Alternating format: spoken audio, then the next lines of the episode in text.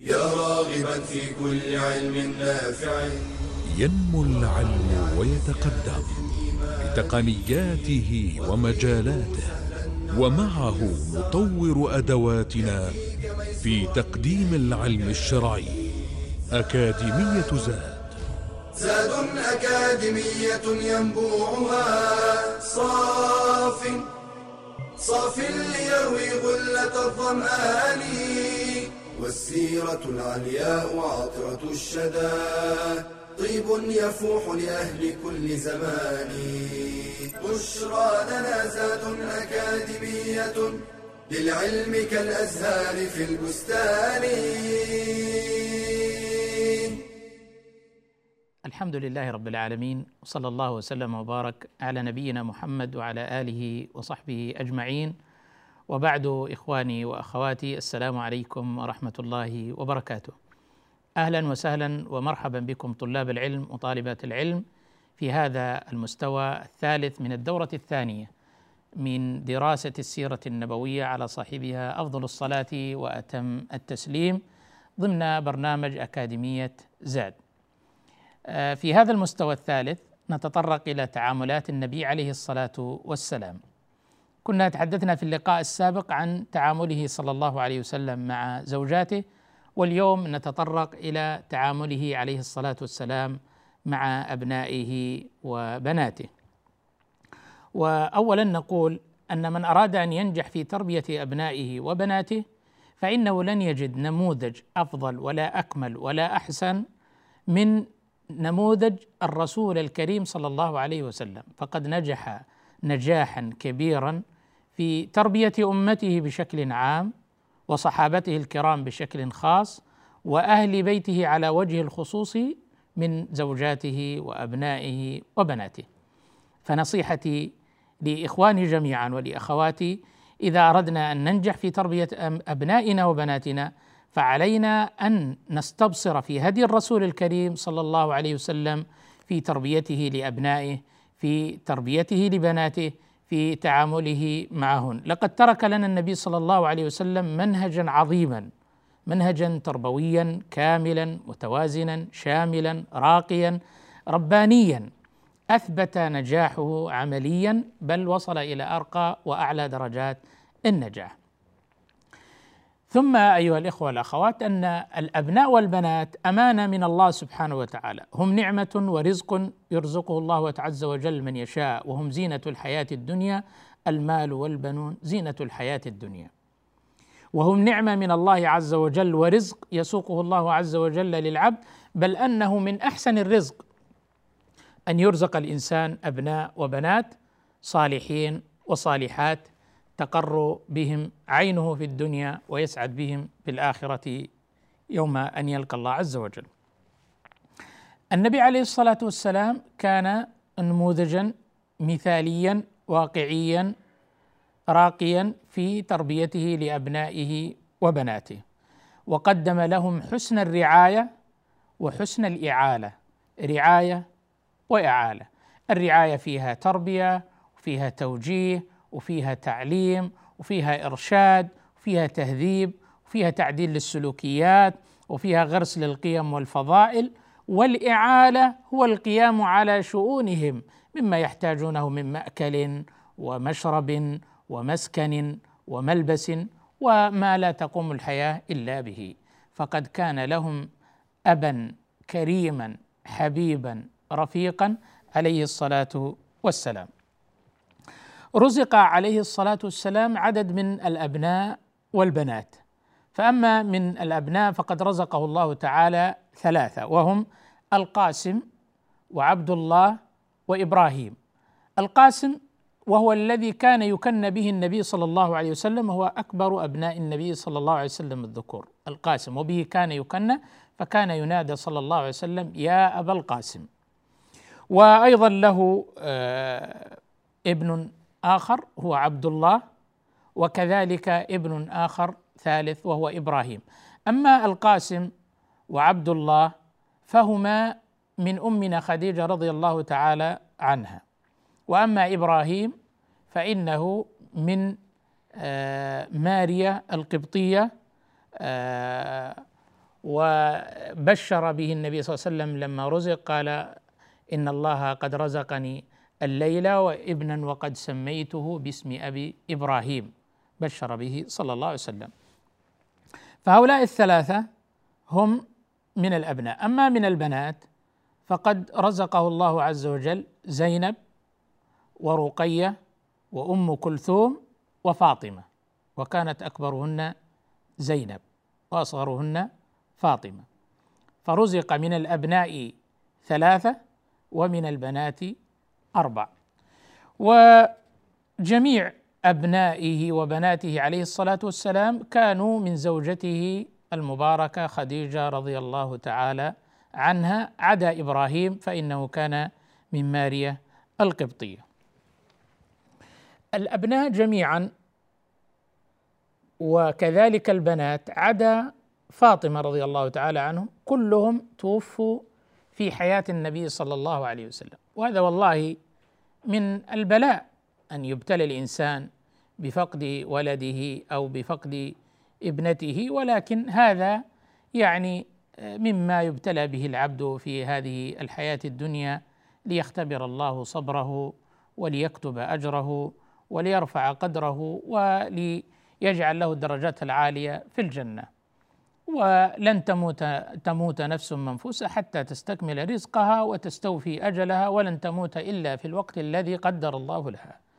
فكلهم ماتوا على عهد النبي صلى الله عليه وسلم. أما الأبناء فقد ماتوا صغارا وأما البنات فقد ماتوا في حياتهن بعد أن تزوجن. عدا فاطمة رضي الله عنها فإنها ماتت بعد النبي صلى الله عليه وسلم بستة أشهر.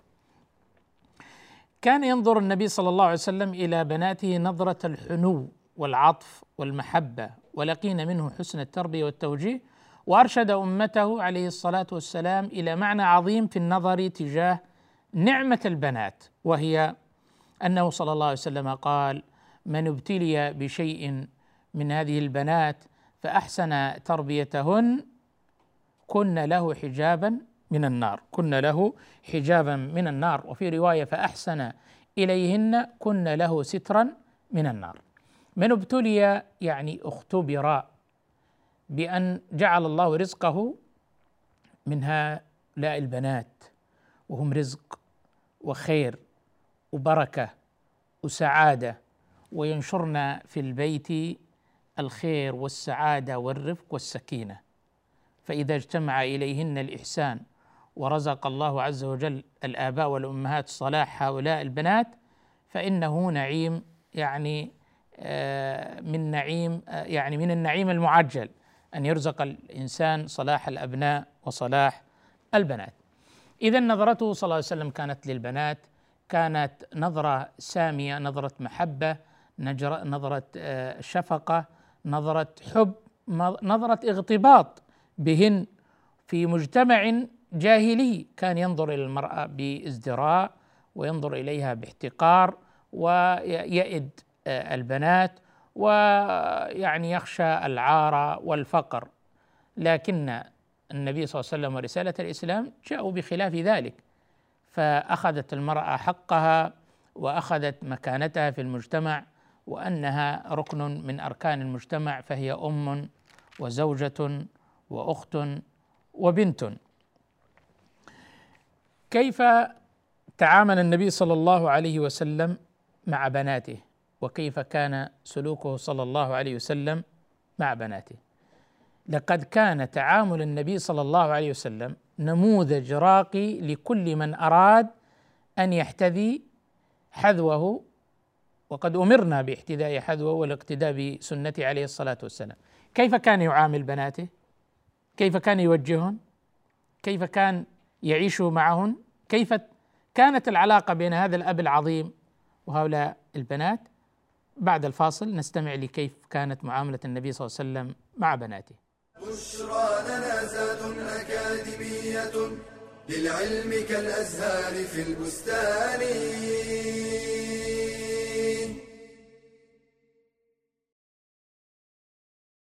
للصلاة سنن كثيرة. منها القولية ومنها الفعلية. فمن سنن الصلاة القولية دعاء الاستفتاح بعد تكبيرة الإحرام.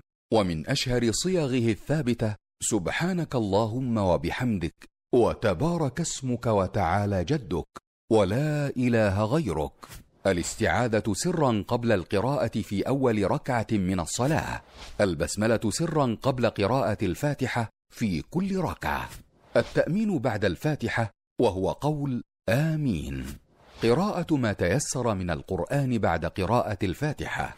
الجهر بالقراءة للإمام في صلاة الصبح والركعتين الأوليين من المغرب والعشاء والإسرار في غيرها من الفرائض.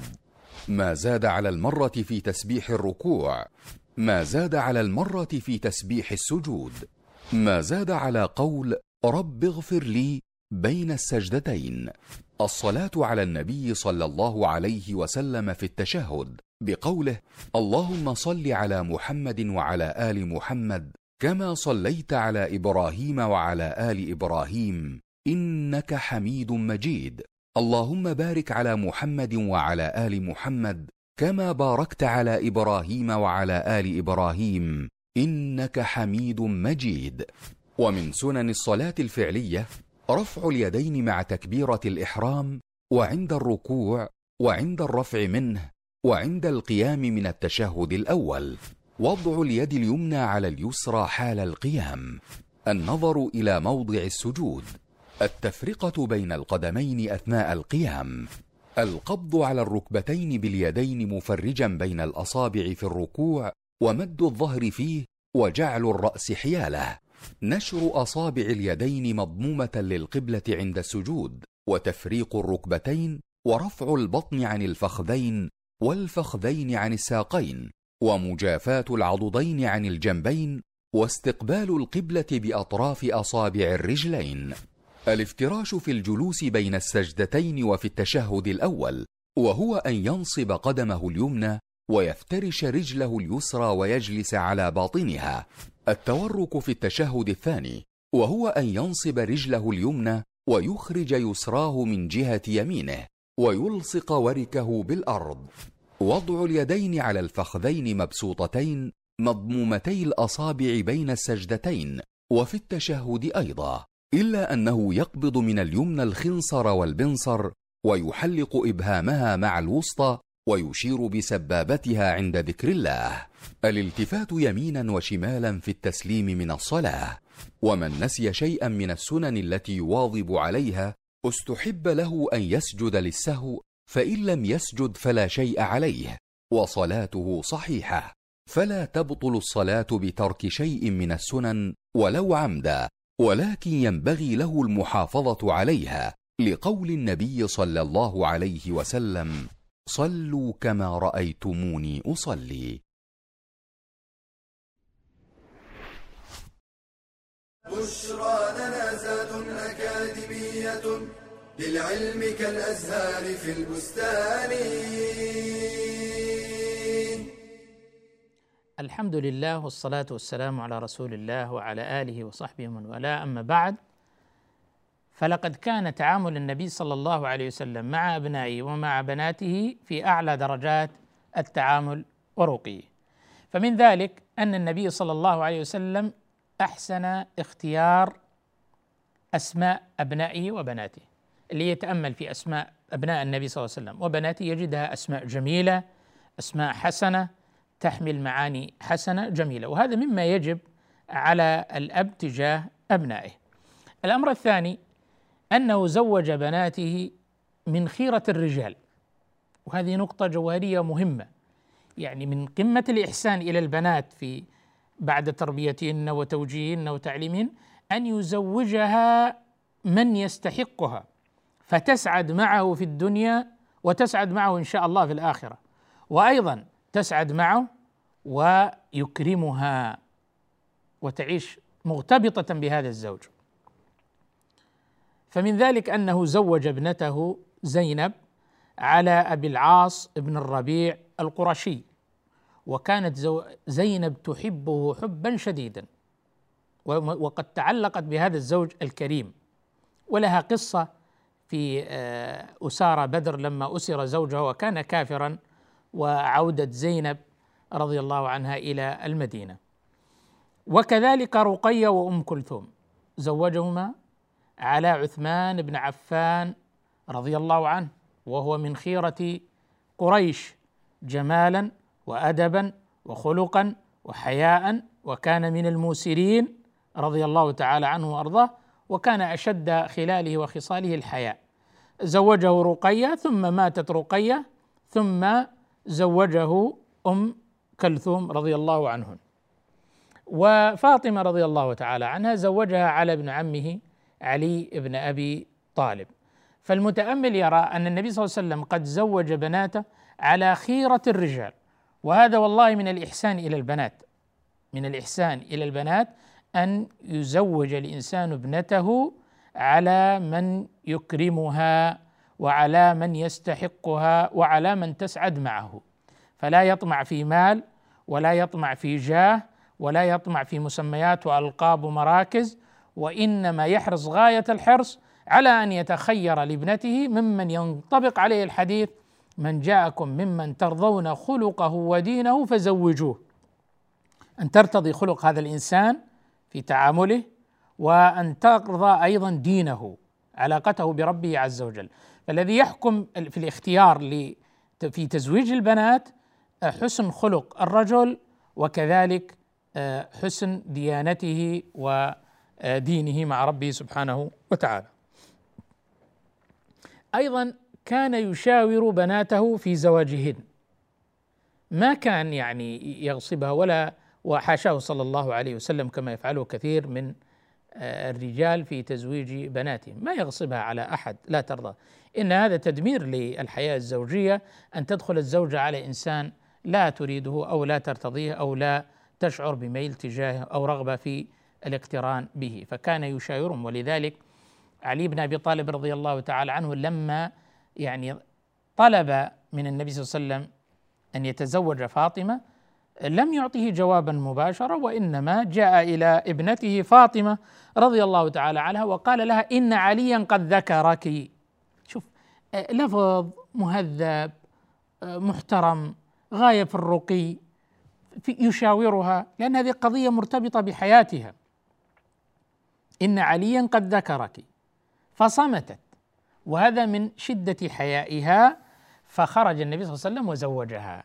ف اثبتوا للبكر أن إذنها صماتها أن إذا شاوروها ثم صمتت. فهذا دليل الحياء والعفة. فخرج فزوجها. فاذا صلى الله عليه وسلم كان يشاور بناته في الأزواج الذين يتقدمون لخطبتهن.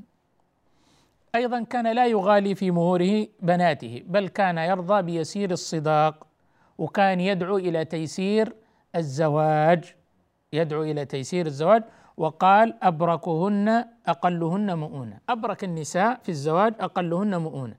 يعني بعض النساء تتفاخر بمهرها وأن مهرها كان كذا وكذا من المبالغ والذهب. والتجهيز يبالغون في ذلك غاية المبالغة. وربما لا يكون هذا الزواج مباركا ويعود بعد ذلك بالشقاق وكثرة الخلافات وربما أدى في نهايته إلى آه، انفصام عرى هذا الزواج.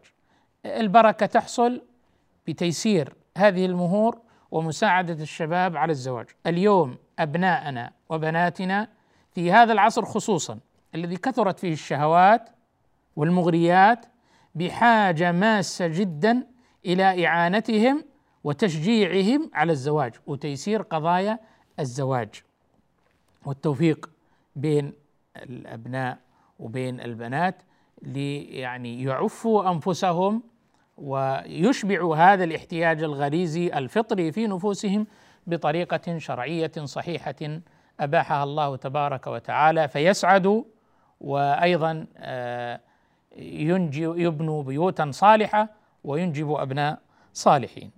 كان أيضا يدعو لهن عند الزواج ويقول اللهم بارك فيهما وبارك لهما في بنائهما أي في زواجهما. يدعو لهن. وهذا شأن الأب آه، الصالح والأب المسلم أنه يكثر من الدعاء لأبنائه. والله إن من أعظم الوسائل المعينة على تربية الأبناء وعلى صلاحهم كثرة الدعاء لهم. في مواطن الإجابة وأن يكثر الإنسان من الدعوات المباركات لأبنائه وبناته بصلاحهم وحفظهم وتوفيقهم واستقامتهم وهدايتهم وصرفهم عن السوء والأخذ بنواصيهم وقلوبهم إلى البر والتقوى. أيضا كان صلى الله عليه وسلم محب جدا لبناته ويقدرهن كثيرا ويظهر ذلك في ممارساته العملية صلى الله عليه وسلم وسلوكياته اليومية معهن.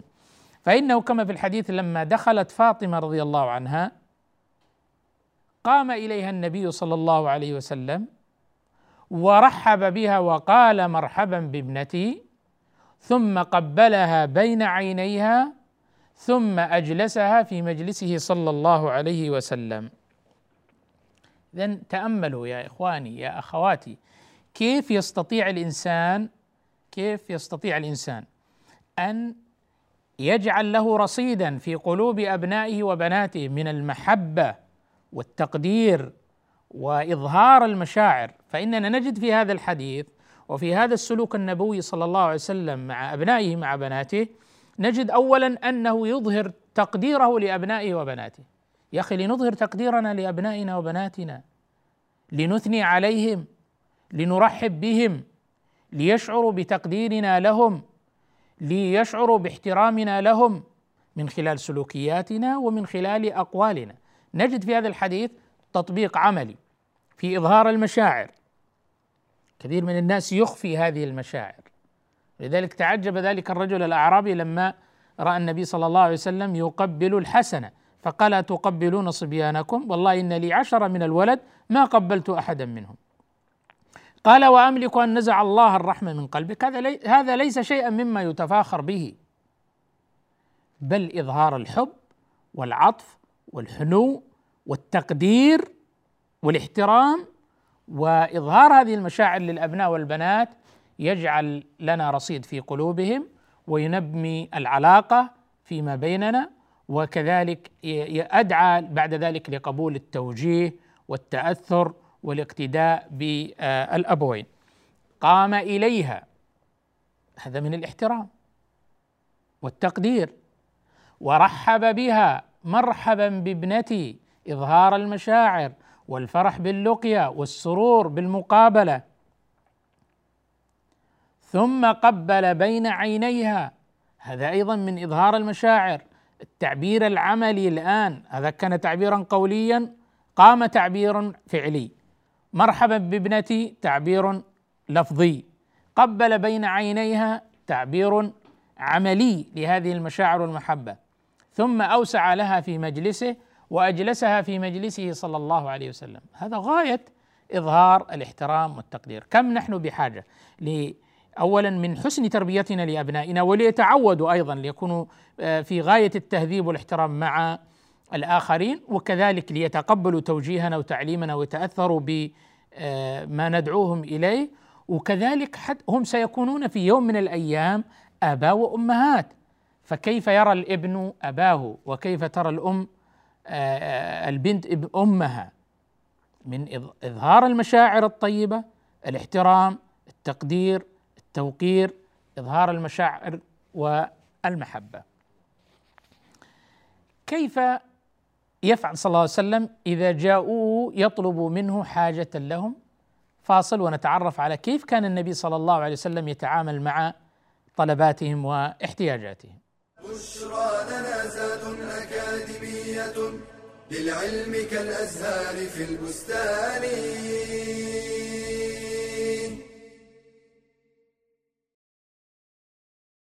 خصال يتصف صاحبها بالفطرة التي فطر الله الناس عليها واستحبها لهم ليكونوا على أجمل هيئة وأكمل صورة. قال عليه الصلاة والسلام خمس من الفطرة الختان والاستحداد وتقليم الأظفار ونتف الإبط وقص الشارب.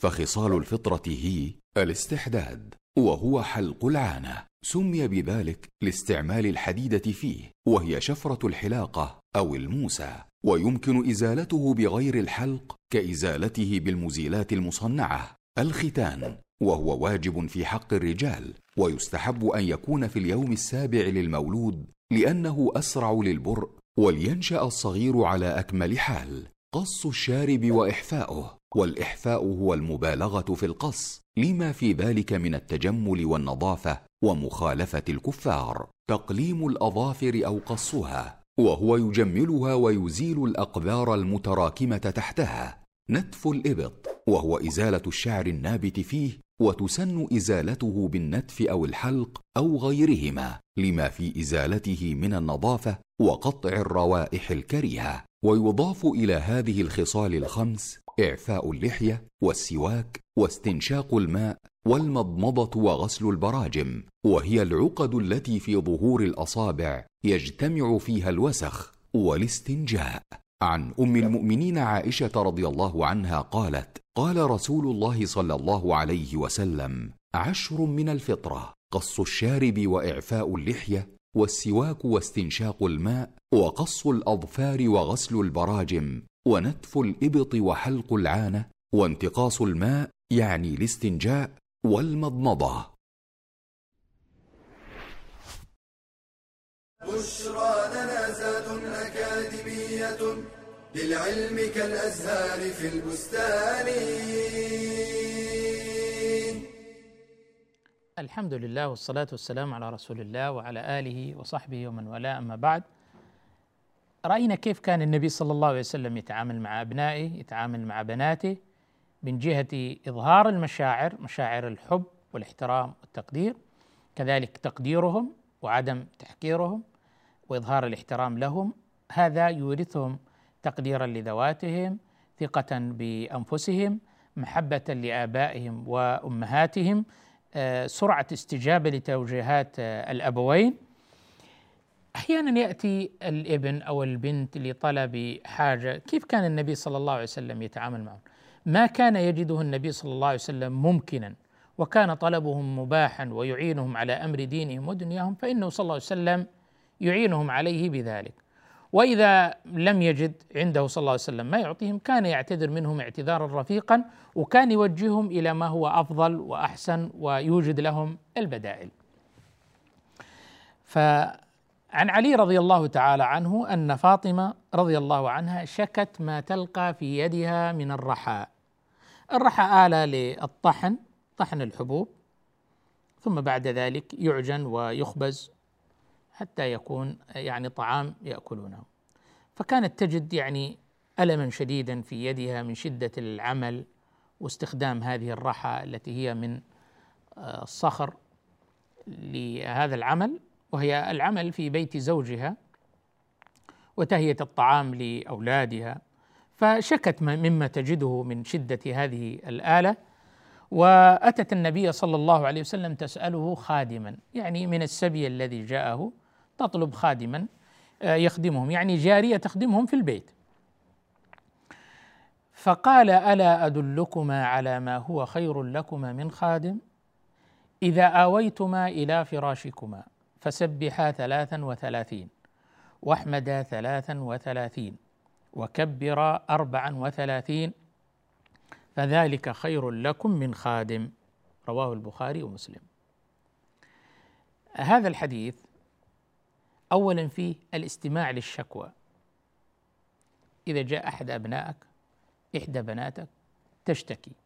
واصلا ما يجي يشتكي إلا إذا وجد اذنا صاغية سابقا ووجد إنصاتا ويجد احتراما لشكواه وتفاعلا معها.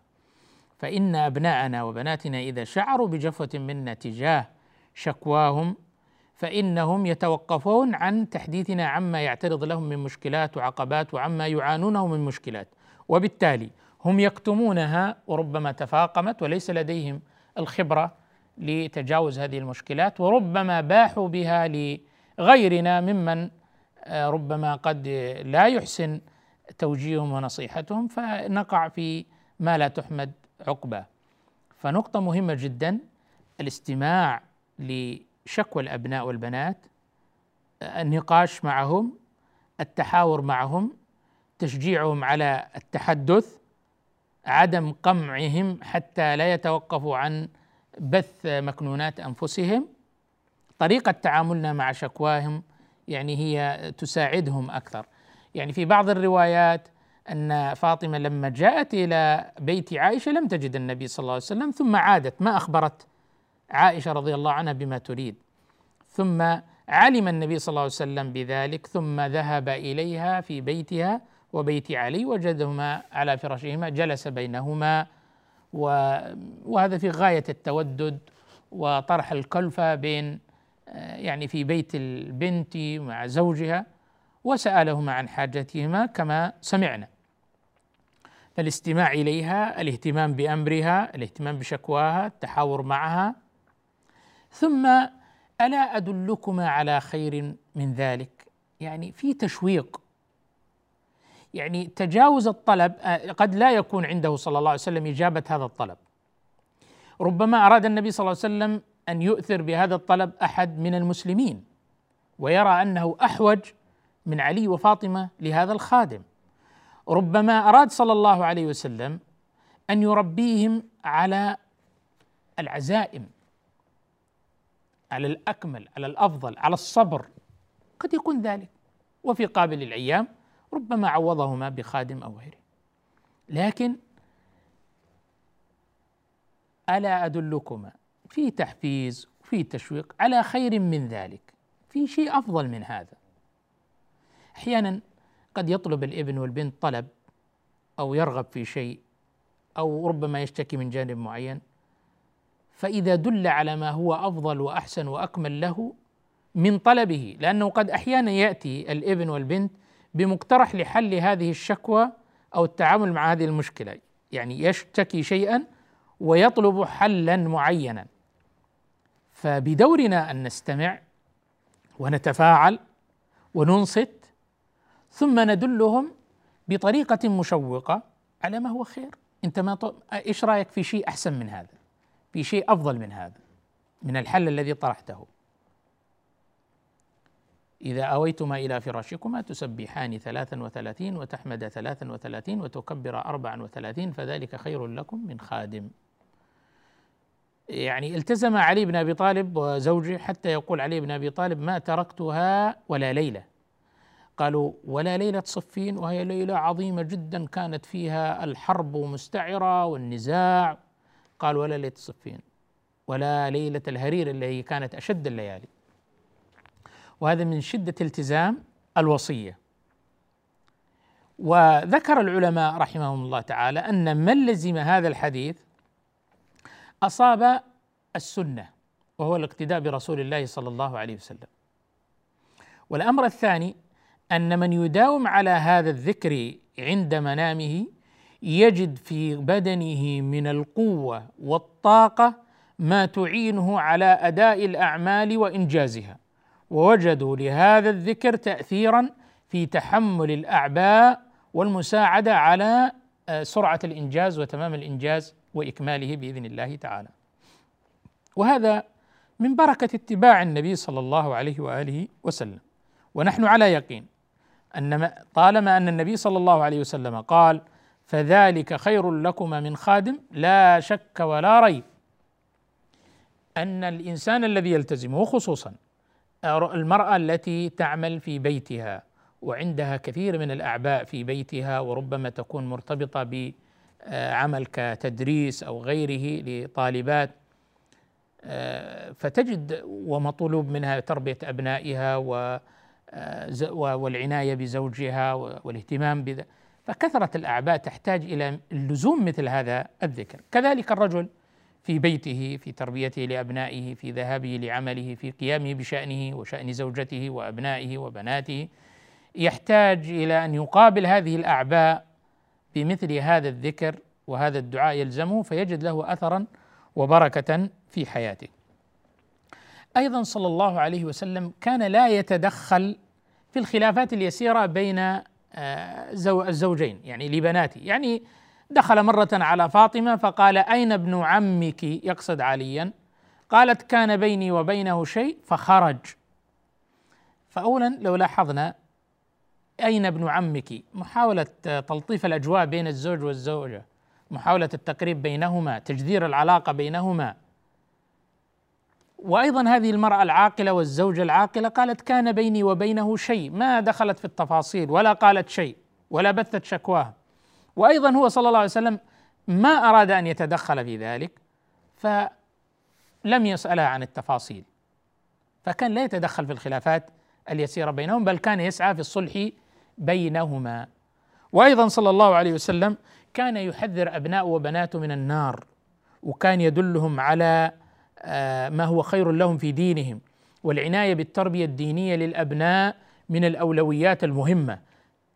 تجذير التدين والإيمان في قلوبهم الحرص على الآداب والأخلاق والفضائل الحرص على أن يكونوا ناجحين في حياتهم صالحين في أمرهم. ولذلك كان يقول يا فاطمة أنقذي نفسك من النار فإني لا أملك لك من الله شيئا. يحملهم المسؤولية تجاه أنفسهم تجاه دينهم تجاه حياتهم تجاه آخرتهم ينهاهم عن الاعتماد والاتكال عليه صلى الله عليه وسلم بل يريد منهم أن يكونوا أناس آه، معتمدين على أنفسهم يشعرون بالمسؤولية تجاه أنفسهم وتجاه أعمالهم وفيما يقومون به من حياتهم. هذه لمحات وإشارات لما كان عليه الهدي النبوي على صاحبه أفضل الصلاة والسلام في التعامل مع أبنائه وبناته وتربيته لهم صلى الله عليه وسلم. من أراد أن يكون ناجحا في تربية أبنائه وبناته فليلزم هدي محمد صلى الله عليه وسلم. والحمد لله رب العالمين. يا راغبا في كل علم نافع متطلعا لزيادة الإيمان وتريد سهلا النوال ميسرا يأتيك ميسورا بأي مكان. زاد زاد أكاديمية ينبوعها. صاف صاف ليروي غلة الظمآن. بشرى لنا بشرى لنا بشرى لنا زاد أكاديمية للعلم كالأزهار في البستان.